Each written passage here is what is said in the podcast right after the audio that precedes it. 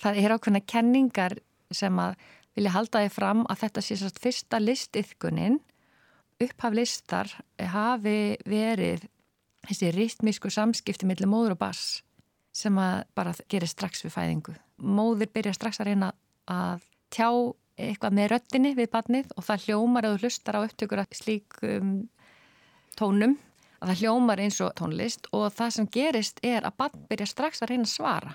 Þau byrja fyrst að reyna að svara bara með augunum og munninum og, og mjög fljótlega bara á fyrstu dögunum fara að koma hljóð tilbaka. Þannig að þú sér mjög fljótt þetta samtal, móður og bars og þetta skapar ákveðna tilfinningatengsl sem að skipta miklu meira máli en en menn hafa gett sér grein fyrir í gegnum aldina. Þetta er raun og veru grundvöldun fyrir það að þú getur orðið helst eftir einstaklingur. Þetta traust sem að verði til í fyrstu samskiptum sem þú átt við þann sem að hugsa um þig.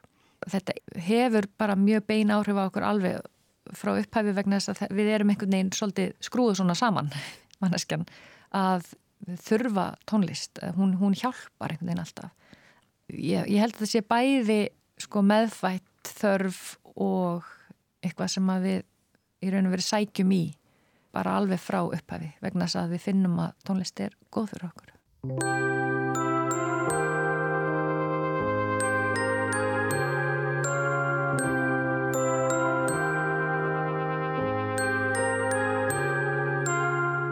var Helga Rut Guðmundsdóttir. Við ræðum betur við að næ þætti dagsins. Þú ert að hlusta á glans. Í dag höldum við áfram að fjalla um tónlist og í þetta sinnum áhrif tónlistar í samfélagslegum skilningi. Það hvernig tónlistin er notuð sem áhald í stríðsrekstri, áróðri til að samina þjóðir og sundra þeim eða einfallega til að fá okkur til að kaupa það nýjasta á markanum hverju sinni. Eða eins og Platón orðaða fyrir rúmum 2500 árum Ekki er hægt að breyta formi og hrinjandi tónlistar án þess að breyta um leið samfélagsgerðinni allri. Hvaða áhrif hefur tónlistin á okkur mennina og samfélag okkar? Getur tónlisturinn notuð í markvissum tilgangi til að ná einhverju fram?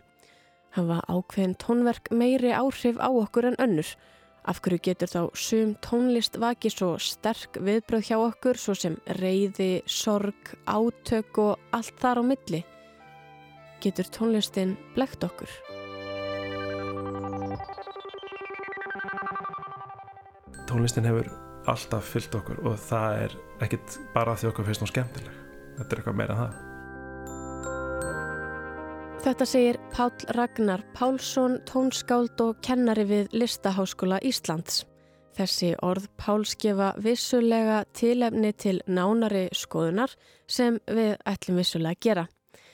Hvernig hefur tónlist alltaf fyllt okkur? Hver fann upp tónlistina innan gæsalappa og hvernig hefur hún þá þróast í gegnum tíðina? Ég fól Karolínu Eiríksdóttur tónskáldi það erfiða og krefjandi verkefni að útskýra þetta fyrir mér.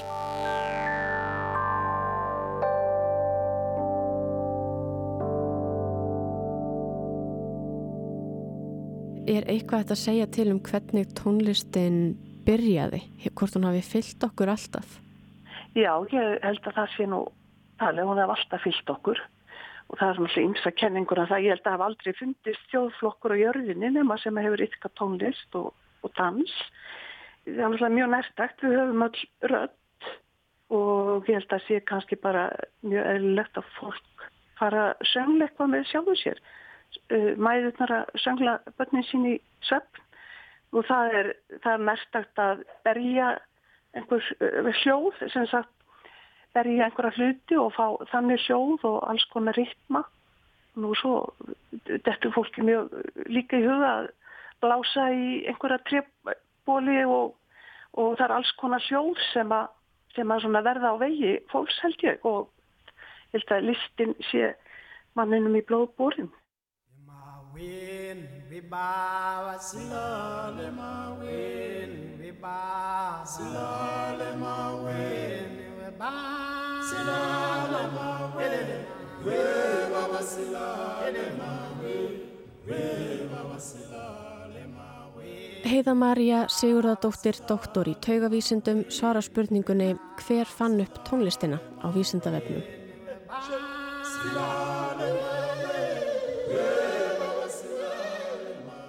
Engin veit hver fann upp tónlistina en vist er að hún hefur verið með mönnunum ótrúlega lengi.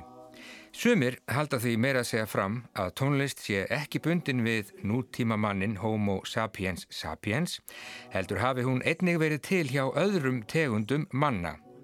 Í því samengi er oft talað um svo kallaða neanderdalsflautu, holtbein með götum sem fannst á uppgraftarstaðnum Divje Babe í Slófinju. Flautan, innan gæsalappa, er talin vera um 45.000 ára gömul. Elsta staðfesta hljóðfærið sem fundist hefur er aftur á móti 36.000 ára gömul flauta úr beini sem fannst nálagt Württemberg í Þískalandi og talin er hafa verið notuð af nútíma mönnum. Næsta víst er þó að tónlist hafi verið til í mun lengri tíma því tónlist er hægt að skapa án hljóðfæra, svo sem eins og með mannsröttinni. Tónlist virðist vera sammannlegt fyrirbæri og fyrirfinnst í öllum samfélögum heims. Að auki virðist sem sumir tónlistarhæfileikar séu meðfættir. Tónlistargáfa virðist að einhverju leiti hafa þróast með manninum á sama hátt og önnur lífræðileg einkenni. En hvaða aðlögunargildi hefur hún þá? Hvers vegna ætti tónlistargáfa að hafa valist úr með náttúruvali og orðið hluti af eiginleikum tegundarinnar? Um þetta eru kenningar margar og margvíslegar. Sumir telja að tónlistargáfa sé gagleg í sjálfu sér, tónlist geti til að mynda verið frumstætt samskiptakerfi. Aðrir segja að hún sé fremur auka afurð annara hæfileika, svo sem að geta greint blæbrigði í tungumáli. Somebody cry, why, why, why? Somebody say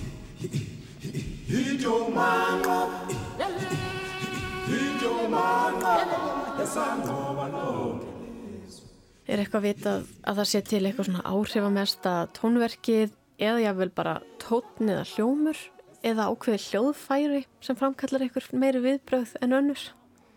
Nei, ég held að þetta sé eitt af því sem að sé mjög menningar bundið. Ef að þetta er til þá hefur það ekki verið uppgötvað eða komið í ljós sko. Allar rannsóknir núna benda til þess að það sé ekki en ég get náttúrulega ekki útilokað að við munum finna eitthvað sem að virki betur en annað.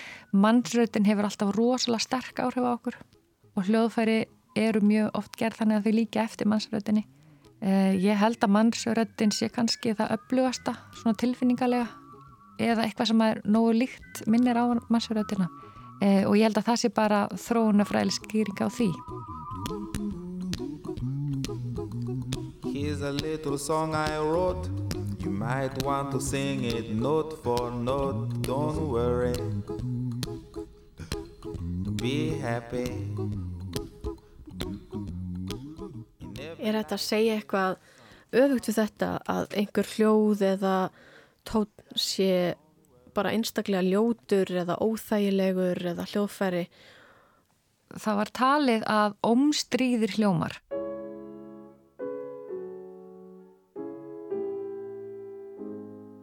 Hljómar sem eru svona uh, svolítið, þar sem að tónan eru með nálat hver öðrum og, og eru er einhvern veginn svona erfiðara fyrir eirað heldur en það sem að kalla omblíðir hljómar.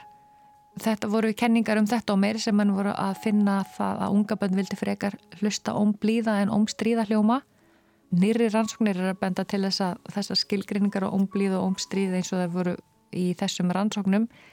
E, þetta bara stennst ekki alveg og þetta er alltaf menningabundið og það sem okkur finnst ómstrítt fyrir 60 árum finnst okkur bara ekkert ómstrítt núna. Ef við förum á milli menningarhópa og, og ólík tónlist er að það sem að einhver staðar þykir alveg hræðilega ljótt þykir annars staðar mjög fagurt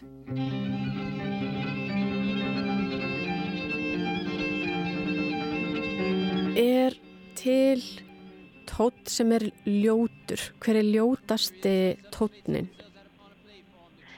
Ég finnst engin tótt ljótur en það er náttúrulega smekksadriði.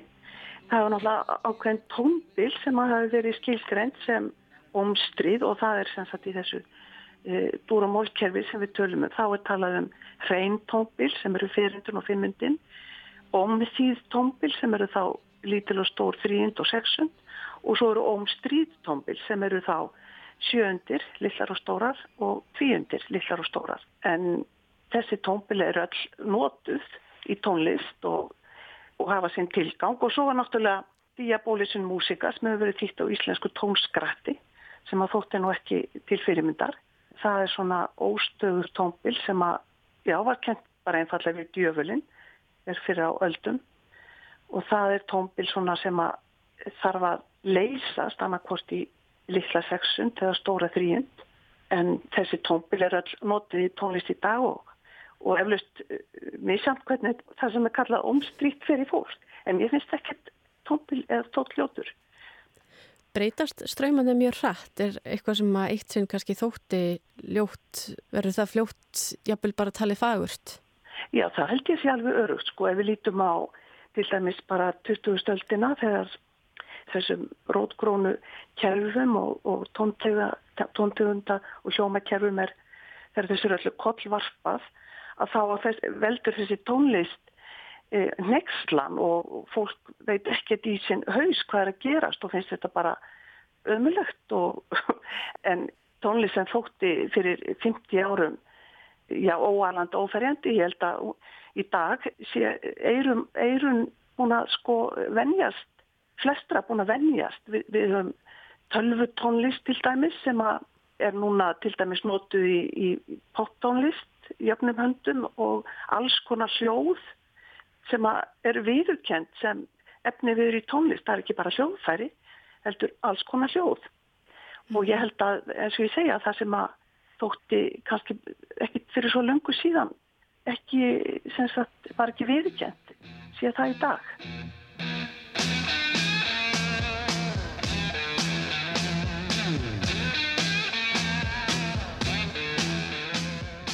Fólk hefur oft greint eitthvað myrt í tónlistinni og jafnvel talið að Satan sjálfur búi að bakjani.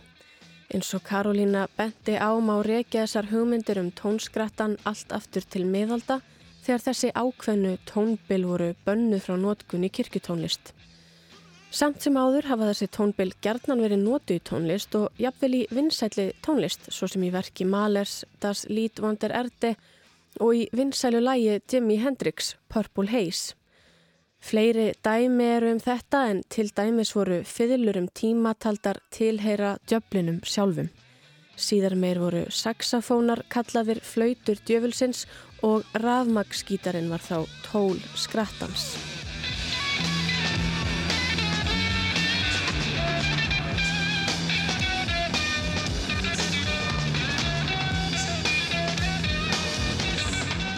En það eru ákveðin tónbíl sem að, sem að verðast svona hljóma mjög fallega í eirum og það er svona hægt að skoða hljóðbylgjurnar þegar að hljóðbylgjurnar krassa ekki mjög og hún í hver aðra. Þannig að það er svona gott bíl á milli. Þá er það svona þægilegra, auðveldara.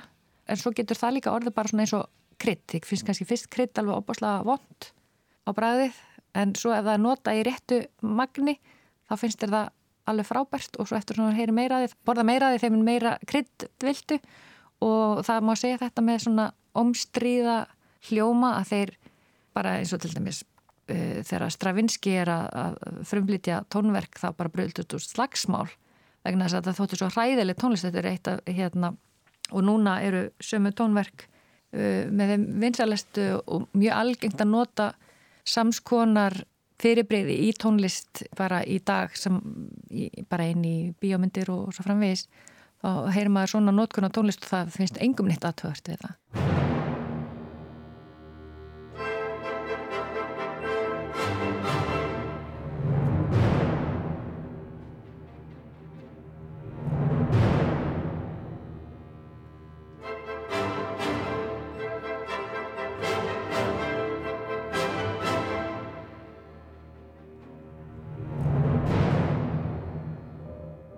Vorblóti er eitthvað svona frækt úr tónlistasögunni verk sem að hérna, allir örðu brjálæðir yfir sko en það er nú oft svona þegar að verk sko hafa svona áhrif að fólk eitthvað neginn kipist við og þetta er nú mjög oft verkinn sem að verða ofan á í tónlistasögunni sko. það er oft sko eitthvað svona sjokk í því að heyra eitthvað sem þú þekkir ekki og skilur ekki og það er alveg oft að þau enda ofan á sko. þegar við heyrum eitthvað svona sem að eitthvað neginn er þvert á okkar hugmyndir um hlutina að þá fyrstu viðbröð eru oft að hafna. En það er yfirleitt bara fyrstu viðbröð sem að svo er þetta einhvern veginn skoðað aftur í svona einhverju meiri yfirvögun og, og þá einhvern veginn kemst þetta áfram. En ég veit ekki, svo er kannski sum tónlinn sem er bara stoppuð af einhver starf ég vona, vona samt ekki, það verður ræðilegt Já, mér finnst þetta mitt svo áhugavert sko, að þegar maður skoðar tilbaka og maður sér hvað tónlist getur kalla fram og ofta mitt svona klassisk tónlist sem er kannski ekki með texta sem er að, að móka fólk eða því misbyr við. Og það er þá bara tónlistin sjálf sem hefur svona virkilega áhrif á fólk. Ég, Það er rosa merkilegt, já. Sumir geta alveg bara fengið bara sko svakalega viðbröð af tónlist sko alveg bara einhvern veginn liðið illa bara líkamlega, óþægilega og... en svo getur alveg verið einhver annar í sama sal sem að upplifur þetta bara enga meginn þannig og finnst þetta bara æðislegt. Veist, það er alltaf þetta með þessa persónulega upplifun sko að, að hérna tónlistin einhvern veginn ídra okkar að taka í okkur sem við einhvern veginn vitum ofta ekki af.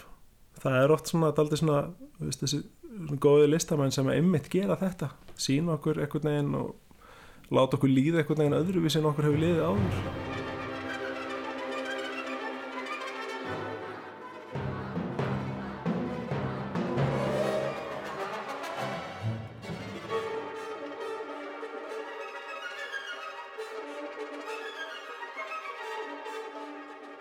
Já, vorblótið það er mjög byltikakent verk. Það er frumflutt eh, 1913 í París og hann samtiða fyrir eh, rúsneska ballettflokkin sem er Diagilíf stjórnaði.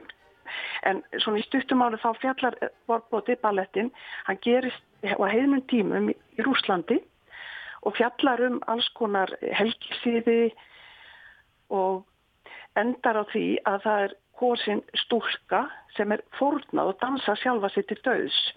Bara þetta efni er mjög nexlanlegt mm. á sínu tíma og, og eflaust hvena sem er. En svo er tónlistin sjálf að þar brítur hann allar þessar reglur. Hann gerir þetta allt öðru í sen Sjömberg. Hann, hann hafnar ekkit endilega dúr og mál hljómum en hann er já, kannski með tvær tóntegundur í einu sem að gerir tónlistina svolítið ómstríða, getum sagt það. Og hann hamrar sömu hljómana mjög taktvist aftur og aftur lengi, lengi, lengi. Já, þetta er svona svolítið kvassir, kvassir hljómar og fólk heyrir ekki þessar lausnir, það heyrir ekki hljóman að leysast á þann hátt sem það er vant. Og það urði uppfott við frumflutningin og hjá og þetta semst allir mikil nexlan en ég held að sé bæði tónlistin að hún er mjög nýstárleg og já bæði tónlistin og svo efni í sjálfum ballettin Hvað gerði fólk? Var þetta þá bara tónlistin og efni kom svona illa við að, að þau bara andlega og líkamlega einhvern veginn bröðust við? Já, sko það sem maður hefur lesið um, um þennan frumflutning að þá fór fólk bara að æpa og hefðist alltaf í hljómsveitinni og já, ég náttúrulega Nei, var ekki vist en maður lesið heilmikið um þetta. Að þetta, já, þetta var bara fólk fór að æpa og nextlaðist og, og eflust gekk út og jáfnvel að það voruði slagsmál sko en, en það voru náttúrulega einhverju sem að svo tóku þessu fagnandi mm sem að tóku því fagnandi að eitthvað, eitthvað nýtt væri að gerast. Maður náttúrulega getur ekki kannski sett í spórin en mér er svo áhugavert þegar maður hefur hlustað á þetta verk Já. að hugsa til þess át af því að það er einhvern veginn engin leið fyrir mig að, að þetta æsu upp í tilfinningum mínum eða misbjóðu mér á einhvern hátt. Hvernig Nei. eftir að viðtökurnar eru þau ef þetta er frumflutt í dag? Ef þetta er frumflutt í dag þá er þetta bara, já þetta myndir hljóma eins og 100 ára gammalt verk.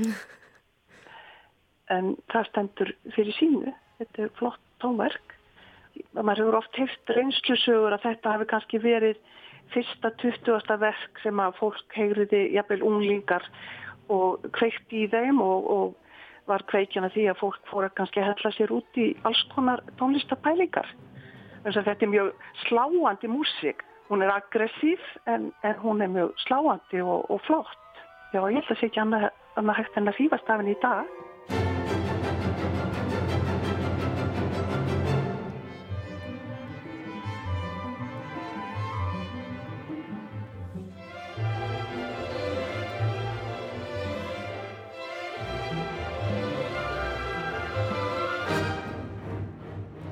Jú, líkt og viðmælendu mínir hafa bent á getur tónlist haft mikil áhrif á okkur og samfélagið allt. Vaki við bröðbæði, góð og slæm, reyði, gleði, sorg og allt þar fram eftir gödunum.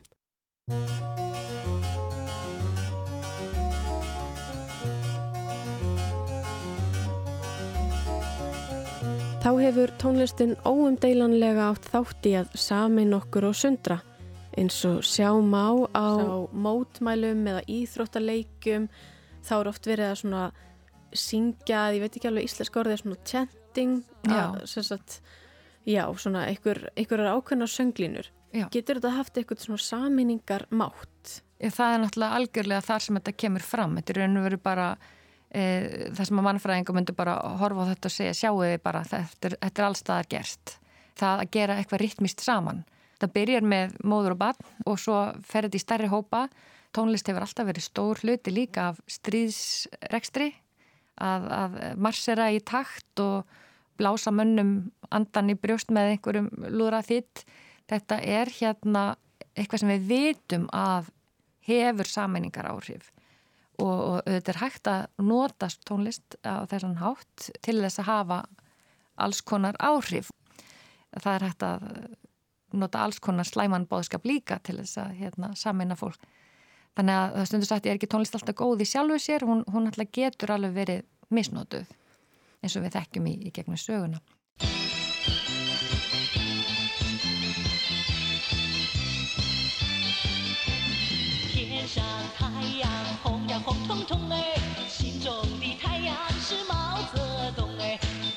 Er hægt að misnota tónlist og svona hefur það verið gert í gegnum söguna að tónlist hafi verið notuð í annarlegum tilgangi?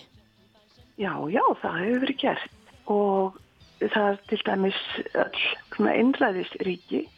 Þau vilja náttúrulega stjórna stjórna listunum, þannig að listinnar hafa áhrif á hvernig fólk hugsar. Í til dæmis kommunistaríkjónum, í Kína til dæmis, að þá þegar menningabildingin er að þá eru til dæmis óperurnar, Peking óperurnar, það er fjallar efni sem að, e, já, gamlu keisarana og, og það er tímabil sem að má vil losna við.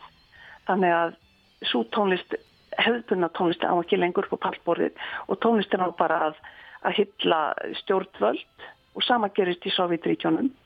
Nú Hitler, hann tekur Wagner, óperur Wagners eins og til dæmis nýplugarringurinn sem ég myndist á áðan hann byggir á norrætni goðafræði, eh, hann er um óðinn og hans fólk. Og þetta er nota til að upphefja þessa dýrkun á arjastofninum þó að Wagner hafi verið löngu dáin og ekki ætla tónlistina til þess ekki, svo, ekki held ég það allavega. Tónlist getur líka verið saminningamáttur bara við tökum þjóðsöngva herrkvatir til dæmis núna fyrir nokkrum árum þegar allt í einu varð hérna, eins og fyrir íslenska landsliðis ákveði lag sem var tekið sem á ég eru komin heim var allt í einu svona saminningatakk fyrir landsliði og allir fóru að syngja þetta, syngja þetta lag þannig að tónlist getur bæði verið notið í annaðlega tilgangi og líka til saminningar um, Er eitthvað að útskýra hvernig þetta virkar? Af hverju tónlistinni tekst að hafa svona mikil áhrif á okkur? Ég held að það sé nú bara erfitt en það er oft sagt að tónlist tólki það sem ekki er hægt að setja í orð.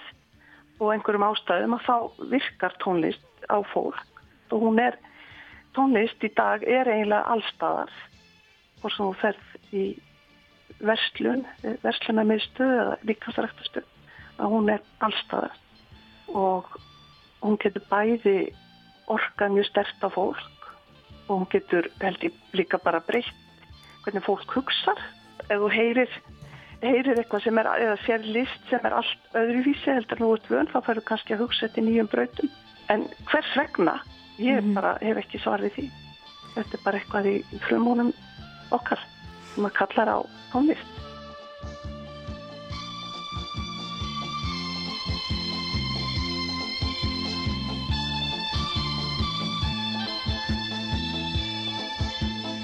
Áróður samkvæmt svari á vísindavefnum fælsti því að viljandi ítrekkað og kerfispundið er reynd að breyta eða festa í sessi viðhorf, skoðanir og eða hegðun hjá tilteknum hópum án þess að viðtakendur, það er þeir sem sjá eða heyra áróðurinn, gerir sér endilega grein fyrir því eða óskiðas. Og jú, tónlist og áhrifamáttur hennar hefur lengi vel nýst mönnum sem hafa áróðri að dreifa líkt og sagan hefur sínt. Eins og Karolína bendi á var Hitler hrifin af tónlist Wagners og þótti hún kristalla alltaf besta við menningu þriðja ríkisins. Tónlist hans var því óspart nýtt og spiluð í útvarpi, ofinberlega og jafnvel í útrýmingabúðum. Jón Gabriel Lorantz útskýrir í reitgersinni Áróðurstæki, nótkun tónlistar í áróðurskinni, að mörg eftirlefandi fórnalömb nazistanna og afkomendur þeirra hafi því haft óbeitt á tónlist Wagners, eflust fáum til undrunar. Þá var það Jósef Goebbels, áróðursherra þjóðarnisflokk Hitlers, sem sagði Hvar slær hjarta þjóðar taktfastar en í stórum hópum þar sem hjarta þjóðar hefur fundið sitt rétta heimili. Áróðursherran stýrði ráðuneyti upplýsingar og áróðurs og sáum reytskoðun, svo sem reytskoðun tónlistar og þannig var hægt að passa upp á að þegnar hins nýja Þýskalands væri ekki að menga hugsin og hjörtu með hugmyndum sem stönguðust á við hugmyndafræðina sem þjóðarnis sósialismin bóðaði. Þessi áhrifamáttur tónlistar á menn og hegðun þeirra hefur verið okkur mönnunum hugleikin frá örofi alda. Í þriðjubók Ríkisins eftir Platón sem samin er um 380 fyrir Krist og er talin vera elsta stjórnspekiritt sögunar, ímynda Sókrates og Adimantur sér fyrirmyndaríki. Til að fyrirmyndaríkið gangi upp þarnast að stríðsmanna sem tryggja öryggi ríkisins. Þeir eiga að geta farið óhrættir í átök hvenar sem ríki þarf á því að halda. Því er mikilvægt að listir þær sem verða á vegi strísmannana í uppeldið þeirra mengi ekki hug þeirra með tali um döðræðslu heldur ætti listin að gera þá að betri og skilvirkari strísmönnum. Strísmennir þyrtu að hlusta á réttu tónlistina til að fá réttu hugmyndirnar og þjóna þar með fyrirmyndaríkinu sem best. Þá skipti máli hvernig rithmi, kurslas hljóðfæri og hvaða orð tónlistin myndi innihalda. Í þessu samhengi væri rítskoðun lista því mikilvæg. Niðurstaðan varð svo svo að dórískar og fríkískar tóntegundir myndu best henda til verksins. Ég þekki ekki tóntegundurnar, svaraði ég, en skildu eftir þær sem herma til hlýðilega eftir rött og tóni þess manns sem er að sönnu hugrakkur í hernaði og öllum mannraunum og tekur því sem verða vill án þess að kvika eða bugast. Ef honum mistekst eða hann stendur frammi fyrir sárum eða dauða eða eitthvert annað óhapp hefur hendan. Og skildu líka eftir aðra tóntegund sem hermir eftir manni sem er við friðsamlegt verk og beitir ekki afli heldur vilja. Annaðkort í því skinni að sannfæra einhvern eða byggja Guð með bænum eða mann með fræðslu og ráðgjöf. Báðum þessum afbröðum skaltu halda eftir, hinnum þróttmiklu og hinnum viljasterku sem best herma eftir ratt blæ stiltra manna og hugaðra bæði í velgengni og raunum.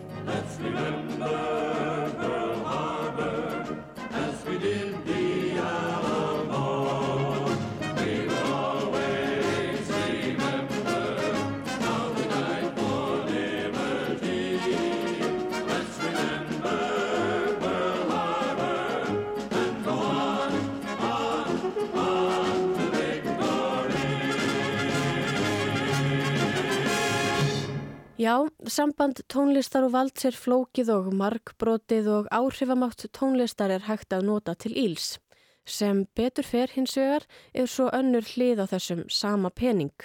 Með tónlistarsköpun er einnig hægt að verða gerandi í eigin tilveru eins og Anna Dúna Halldórsdóttir orðarða í námsrítgerð sinni um tónlist sem byltingartæki, tónlist sem andóf.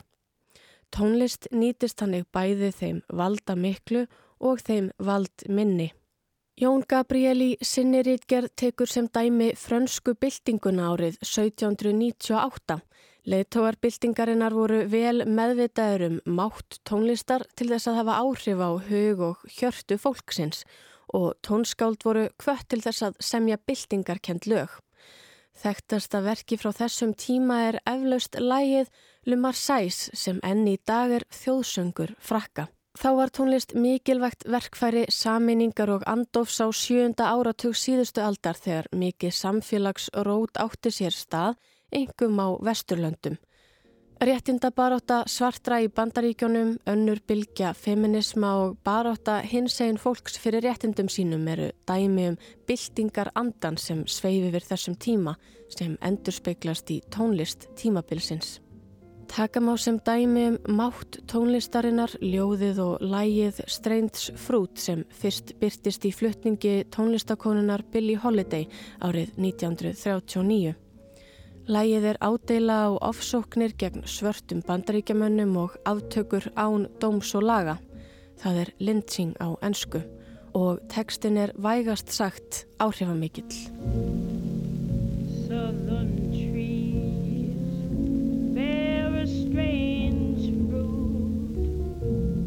Blood on the leaves and blood at the root. black bodies swinging in the southern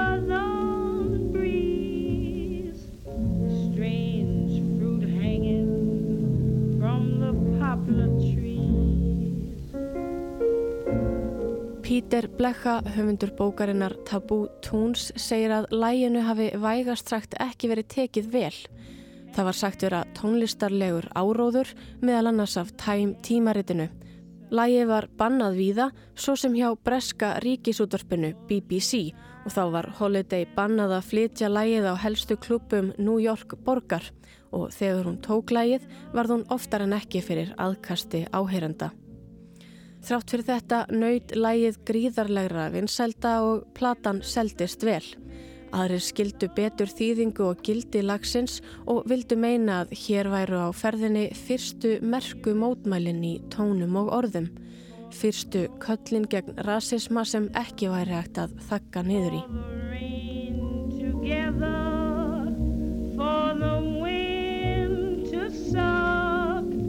For the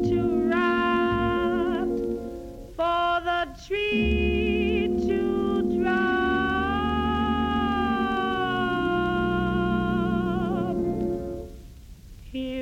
a strange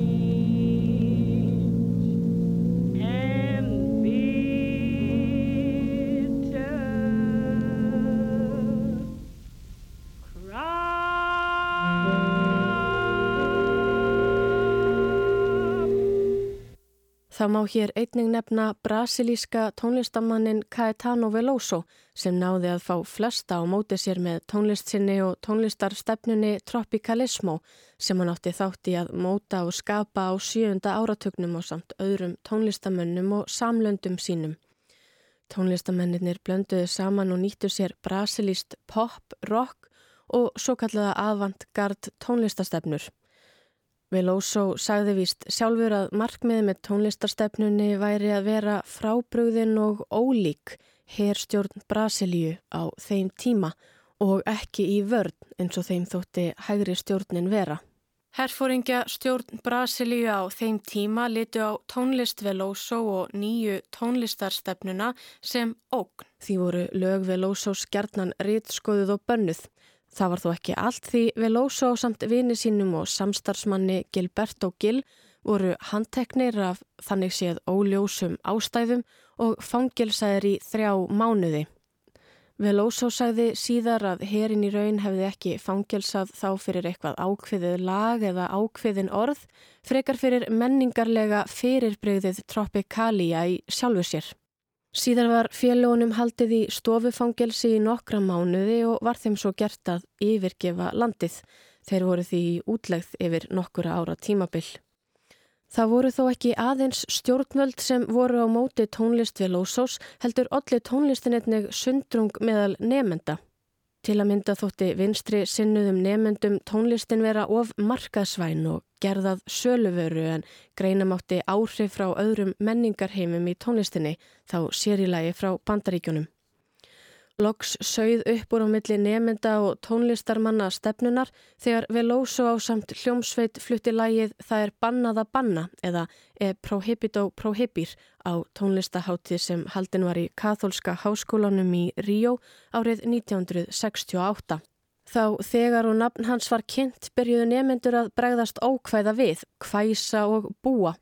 Litríkir og mikilfenglegir búningar við lósós á samt djarfri sviðsframkomi hans og tilraunar kendri og skín örfandi tónlist hljómsveitarinnar fóru fyrir brjóstið á nefendum sem hófa að sína vanþóknun sína með því að snúa baki í hljómsveitina. Þó leið ekki á löngu þar til nefendur fóru að kasta hverju því sem þeir gáttu komið hendi á, grænmeti, eggjum, pappírsboltum og ávöxtum í flytjandurna.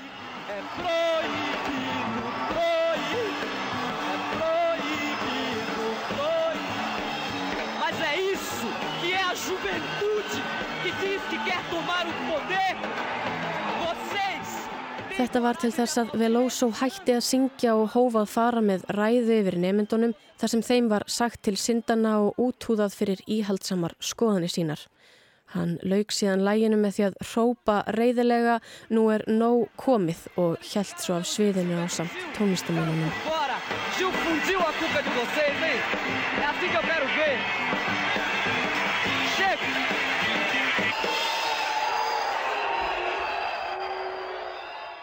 Caetano Veloso nöyð síðar mikillar velgengni og vinsælda víða um heim og gerir enn. Hann söng meðal annars í Eurovision árið 2018 í Portugal þá með Salvador Sobral sem hafði sigrað keppnina árið áður. Viva bossa, sa, sa, viva palhossa, sa, sa, sa, sa Viva bossa, sa, sa, viva palhossa, sa, sa, sa, sa Þegar við erum meðlumis áróðurstónlist eða tónlist sem er notið í áróðurstilgangi er einhvern veginn hægt að verja sig fyrir áhrifum þess konar tónlistar? Stort er spurt. Já, stort er spurt. Um, maður þarf alltaf að skoða hver er bóðskapurinn. Eina vörnin er bara að vera meðvitaður um það. Að vita að svona er nota. En ég minna, við verðum í raun og veru fyrir barðin á þessu daglega ef við horfum á sjónvastætti og svo framvegis eða eða bíómyndir, tónlistin er nótu til að draga fram ákveðna tilfinningar og, og væntingar og svo framvis eða bara í auglýsingu þar sem að vera að tóa í tárin á þér. Þú myndir aldrei hafa tárast nema að því að þessi tónlist kom. En svona dagstaglega þá þurfum við bara að vera vakandi fyrir því byrju, hvað var þessi tónlistarinn á þessum staði, þessu samengi var það bara þess að fá mig til að kaupa eitthvað ákveðið tankrem eða sápu sko að maður svona tengi hvað þetta er upplugt til þess að bara hafa áhrif á viðbröðin mín. Þegar að þetta getur haft þessi áhrif á okkur og eins og talar um tónlist í bíómyndum og sjónastáttum þar sem ákveðin hljóðum og tónlist er alltaf að kalla fram ákveðin viðbröð, er þetta þá raunverulegar tilfinningar? Þegar við látum stjórnast svona af tónlist, höfum við ekki stjórnina? Já, ég held að þetta sé raunverulegar tilfinningar. Eh, tilfinningar eru ákveðin efnafræði í sjálfu sér.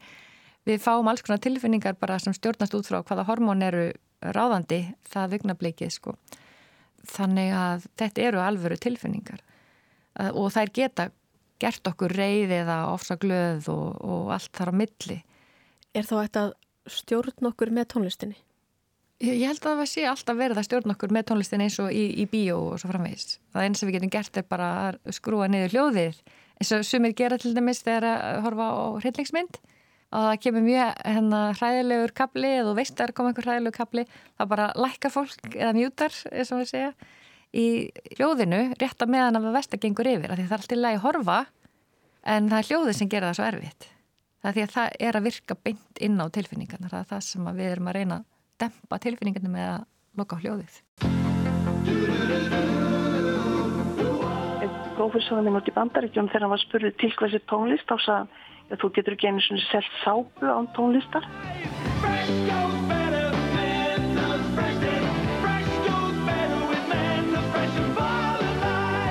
Mentos, the fresh maker.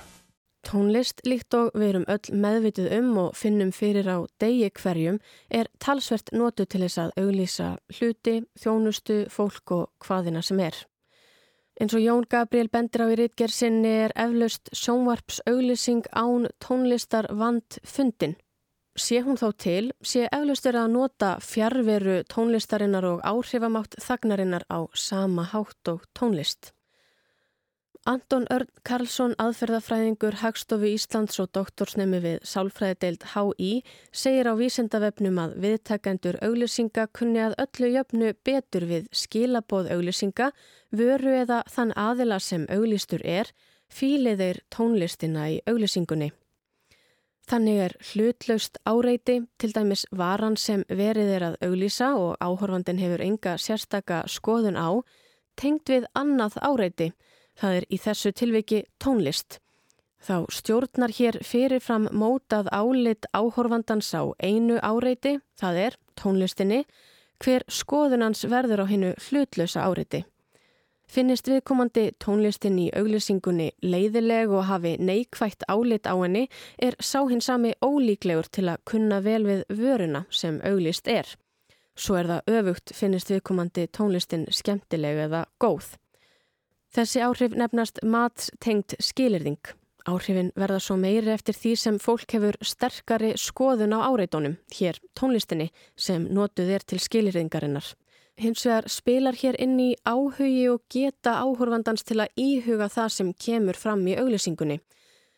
Þannig munu til dæmis þættir á borð við tónlist í auglýsingum að öllu jöfnu ekki hafa áhrif á þá sem hafa mikinn áhuga eða getu til að ígrunda auglýsinguna og skilabóðinar. Aftur á móti hafi viðkomandi kvorki áhugan ég getu til að velta auglýsingunni og bóðskapennar fyrir sér, getur viðhorf hans til vörunar sem auglýst er snúist á sveif með auglýsingunni. Gjarnan er tónlist í auglýsingum notuð í allt öðrum tilgangi en tónlistamæðurinn upphaflega ætlaði og oft nýta framleiðendur auglýsingar sér hvaða sess lög skipa í hjörtum fólks, segir Jón Gabriel í Ritgersinni. Oft hafa tónlistamenn því beðum að tónlistara verði ekki notuð í því skyni að auglýsa til dæmis þjónustu vöru eða ákveðin einstakling.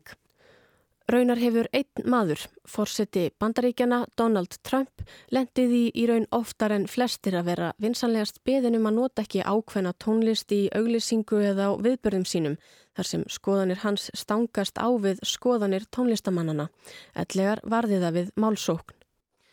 Til dæmis óskaði liðsmaður hljómsutarnar REM eftir því að forsetin, þá frambjóðandin, myndi hætta að nota tónlist sveitarinnar og fjöldasamkomum. Með beðninni fyldu eftirfarandi orð. Ekki nota tónlistina okkar eða röttina mína í þessum hálfvitalega skrýpaleik sem þú kallar kostningabartu. Þá er einnig algengt að heyra vörumerki nefnd í lagatekstum og þá sérstaklega í hip-hoppi og rap tónlist nú á dögum og er tónlistafólk í meira mæli farið að koma vörumerkjum að í tónlist sinni, svo sem vegna personulegra listrætna eða fjárhagslegra kvata. Þá er tónlistin sjálf þannig sé nýtt til þess að auglýsa vörur og vöru eða vörumerki er komið fyrir í texta eða til dæmis tónlistar myndbandi viðkomandi tónlistar manns. Þetta kallast vöru innsetning. Vöru innsetning hefur verið skilgreynd sem blönduð skilaboð eða kostuð tilraun til að hafa áhrif á neytendur með hljóð og eða sjónrænum hætti í gegnum samskipta kerfi án þess að hægt sé að gera sér grein fyrir því að um auglessingu sé að ræða. Þannig er leitast við að hafa áhrif á neytendur með líkt áberandi hætti. Forvitnilegt er svo að vita hversu mikil áhrif slíkar vöruinsetningar hafa á sölu tiltekinar vöru og kauphæðun okkar. Það er að segja hversu mikil áhrif slíkar innsetningar hafa svo á okkur og undir meðvitundina. Villmaður frekar og kaupir frekar þar sem maður heyrir auglist í tónlistinni eða þekkir maður og manmaður frekar eftir þeim vörumerkjum og vörum sem koma þar fyrir. Næri þetta frekar til ungs fólks og svona mætti lengi spyrja. Þá er tónlistin einnig söluvara í sjálfu sér líkt og annadúna bendir á í rítgerð sinni og í kringum hana er stór alþjóðlegur bransi og stórfyrirtæki sem velta miljörðum og sjá hagsinni því að markasvæða tónlist og gera hana sem sölu vænsta fyrir flesta. Sumir fræðimenn vilja meina að þegar svo er komið fyrir tónlistinni, það er að segja þegar tónlistin er orðinað markaðs vöru í sjálfu sér, missi hún vald sitt meðal fólksins og verði hluti af ríkjandi hugmyndafræði, nokkur skonar tól til styrtar hegemóníunar. Tónlistin stuðlið þá að því að fólk efist ekki um ríkjandi hugmyndir heldur fylgi frekar strömmnum.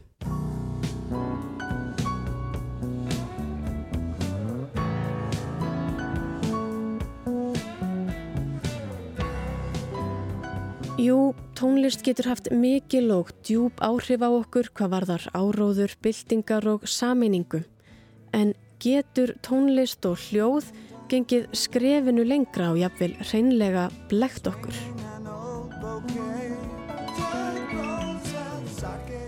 Geta hljóðin blekt okkur til dæmis? Blekt heilan á hvern hljóð?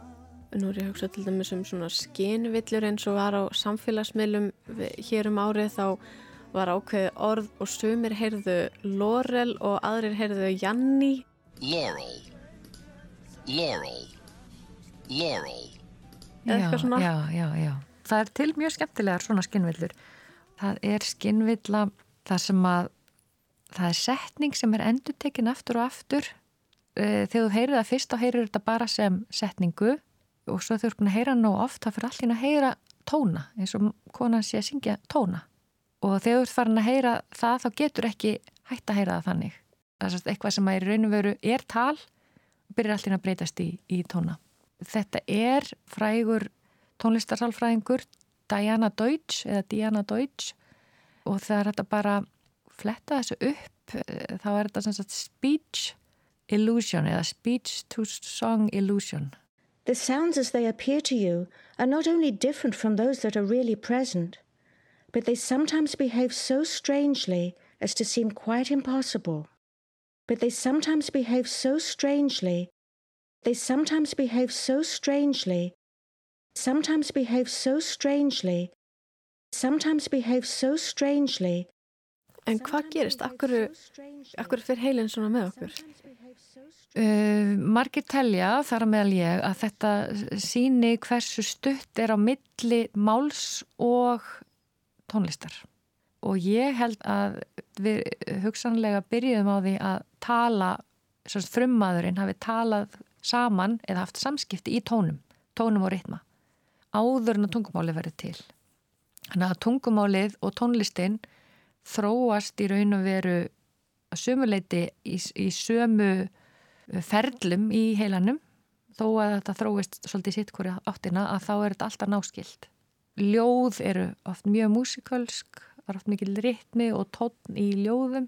Eins er ritmi og tónfall getur haft eh, merkingu alveg eins og, alveg eins og orð og þegar börn byrja að tala þá er raun og verið byrjaði að tala í tónum.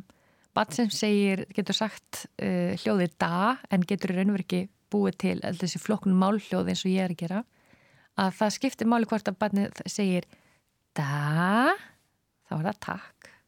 Da, þá er það datt þannig að það sem að barnið er að grýpa er tónfallið áður en að það nær tökum á öllum málhljóðunum.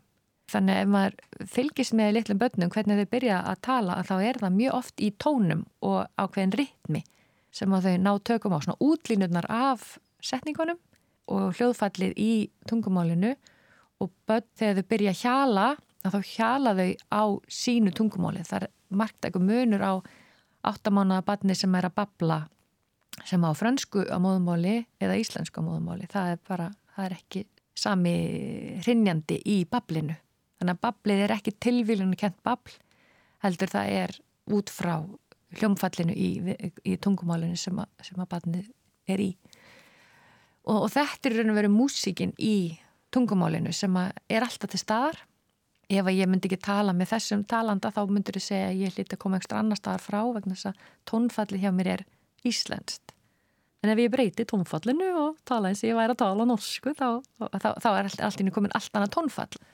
Þannig að tónfallið er partur af skilabóðinu þegar þú ert að tala. Og þetta er það sem við byrjum á þegar við byrjum að tjá okkur í tónum við unga bat sem er nýfætt. Þá erum við strax að koma til skila hvaða tónfall við notum maður þekkir þetta einmitt kannski svona af já, barnaröttinni sinni sem er mjög pinlega að heyra á myndböndum. Já, það er alveg, sér, það er alveg fullt af rannsóknum til um, um það og það er talið að við gerum þetta bara sem sagt, það sé instinkt að það sé eitthvað sem við gerum ómeðvitað en hafi skýran tilgang að hjálpa börnunum að ná tökum á tónfallinu. Þannig að við ígjum þau þurfum hæra upp og meira niður gerum allar svona reyfingar í tungumálinu gerast alltaf svona meira upp og niður og ferum til da-da-da. Þá erum við raun og verið að kenna tónfallið í tungumálunni á okkur en bara með því að íkja og líka til þess að ná aðtegli því að börn sína svona tali miklu meira aðtegli heldur en svona fullónismiðu tali eins og ég er að tala við því núna en um leiðu ég færi svona eitt halló, þá kemur aðteglin þá kviknar á aðteglinni, hvað var þetta og, og þú fær strax augun og, og þetta er bara það sem við vitum að virkar fyrir lítil börn og það er alveg búið að sína fram á það með mjög skýrum rannsóknum. En maður okkar ekki að reyna að breyta þessari röndu? Maður alls ekki að gera það. Þetta, þetta, er, þetta hjálpar börnunum að halda aðtegli, hjálpar þeim að læra og, og heyra.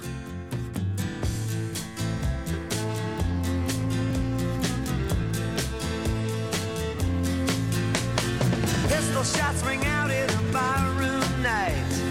Enter Betty Valentine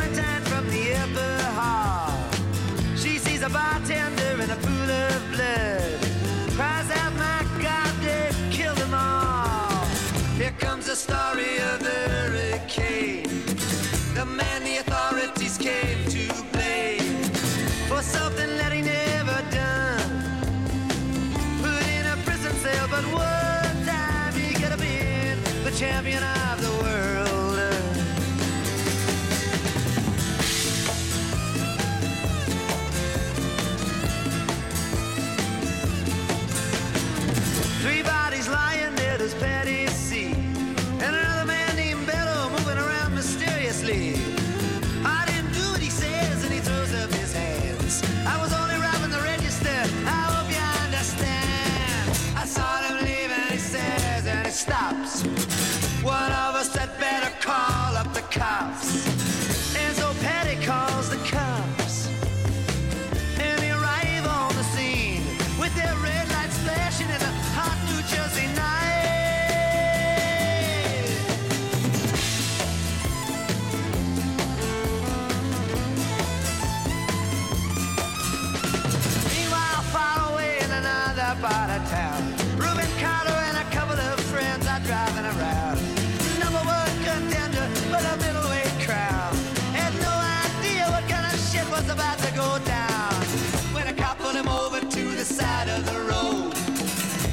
the time before and the time before that.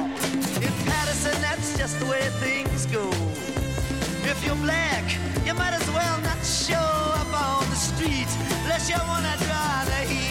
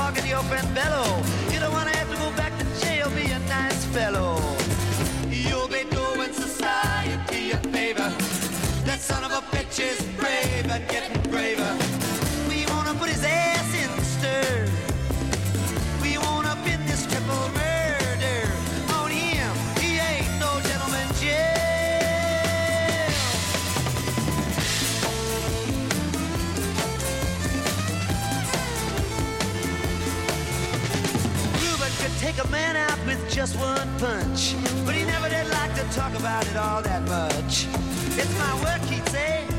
and I do it for pay. And when it's over, just as soon go on my way up to some paradise where the trout streams flow and the air is nice, and ride a horse along the trail.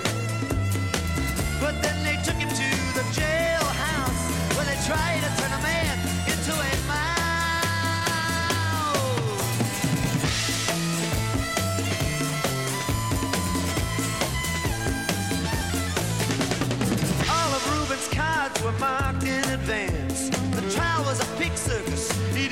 chance. The judge made Reuben's witnesses drunkards from the slums. To the white folks who watched, he was a revolutionary bum. And to the black folks, he was just a crazy nigger. No one doubted that he pulled the trigger.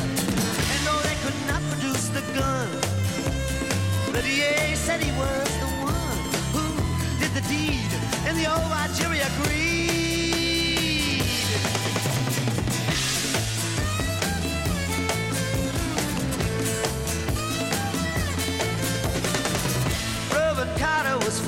Tried. The crime was murder one. Guess who testified? Bello and Bradley, and they both all they lied. And the newspapers, they all went along for the ride. How can the life of such a man be in the palm of some fool's hand?